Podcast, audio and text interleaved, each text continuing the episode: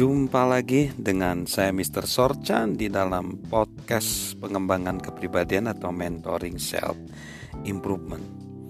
Nah, untuk memberi nilai 10 kepada sesama kita, hal yang ketiga adalah coba kita harus memergoki mereka ketika mereka sedang melakukan sesuatu yang benar. Jika kita ingin melihat semua orang memiliki nilai 10 dan membantu mereka memiliki rasa percaya diri terhadap diri mereka sendiri.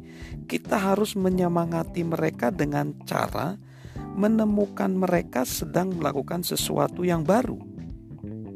Ini benar-benar melawan kebiasaan yang ada. Selama ini kita selalu dilatih untuk memergoki orang lain ketika mereka melakukan sesuatu yang salah. Jika orang tua dan guru kita memergoki kita, kita bisa memastikan bahwa apa yang kita lakukan pasti salah. Jadi, kita akan cenderung untuk berpikir dengan cara yang sama. Ketika kita berfokus pada hal yang negatif dan memergoki orang melakukan sesuatu yang salah, hal itu tidak memiliki kekuatan untuk membuat mereka menjadi lebih baik. Ketika kita memergoki orang melakukan sesuatu yang salah, mereka berbalik menyerang kita. Mereka membuat alasan dan menghilang. Di sisi lain, akan memergoki orang melakukan sesuatu yang benar, itu memberikan penguatan yang positif itu membantu mereka untuk masuk ke dalam potensi mereka dan membuat mereka ingin melakukannya lebih baik lagi. Buatlah mencari hal-hal yang benar sebagai bagian dari agenda harian kita. Itu tidak harus hal-hal yang besar, walaupun tentu saja kita juga pasti ingin untuk memuji hal-hal yang besar juga. Itu bisa apa pun juga, selama kita memuji dengan tulus.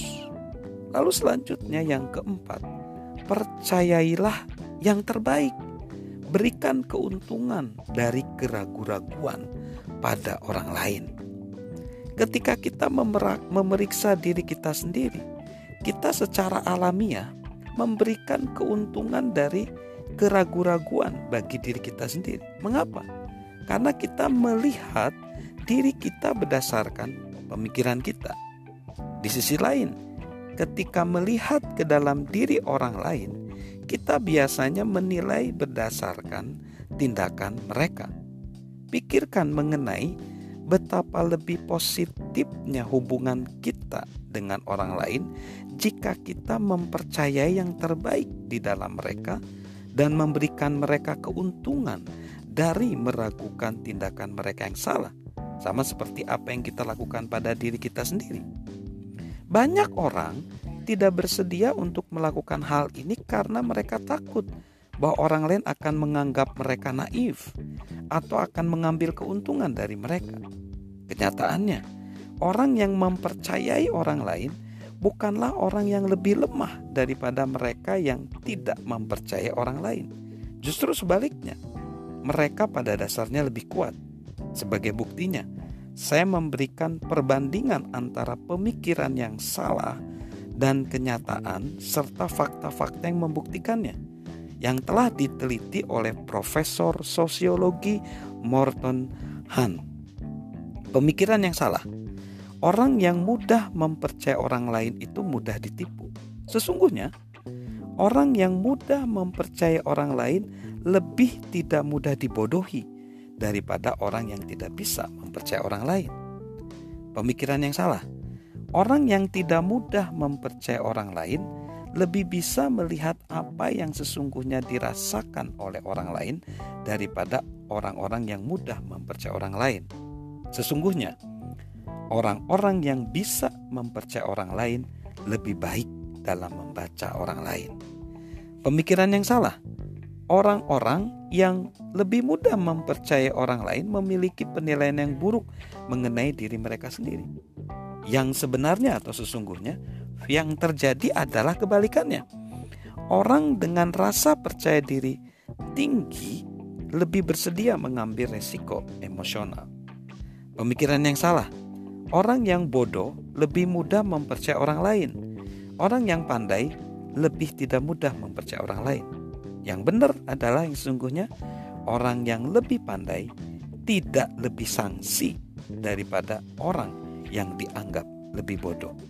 Pemikiran yang salah. Orang yang mudah mempercayai orang lain mengandalkan orang lain untuk mengarahkan kehidupan mereka bagi mereka.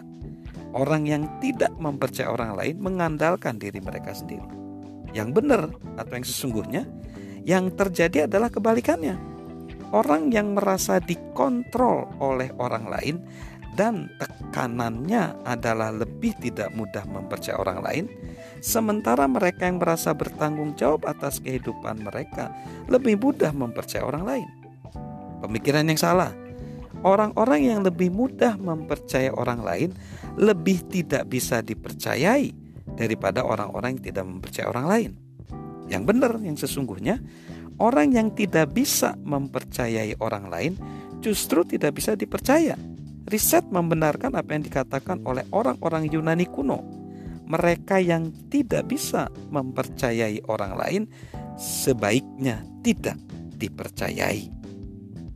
Hal ini mengatakan bahwa kita harus tidak harus menjadi seperti burung unta dan menguburkan kepala kita di dalam pasir, tidak.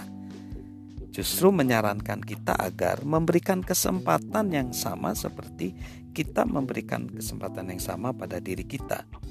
Ini bukanlah hal yang besar, namun hal yang akan diberikan pada hubungan kita yang bisa jadi besar.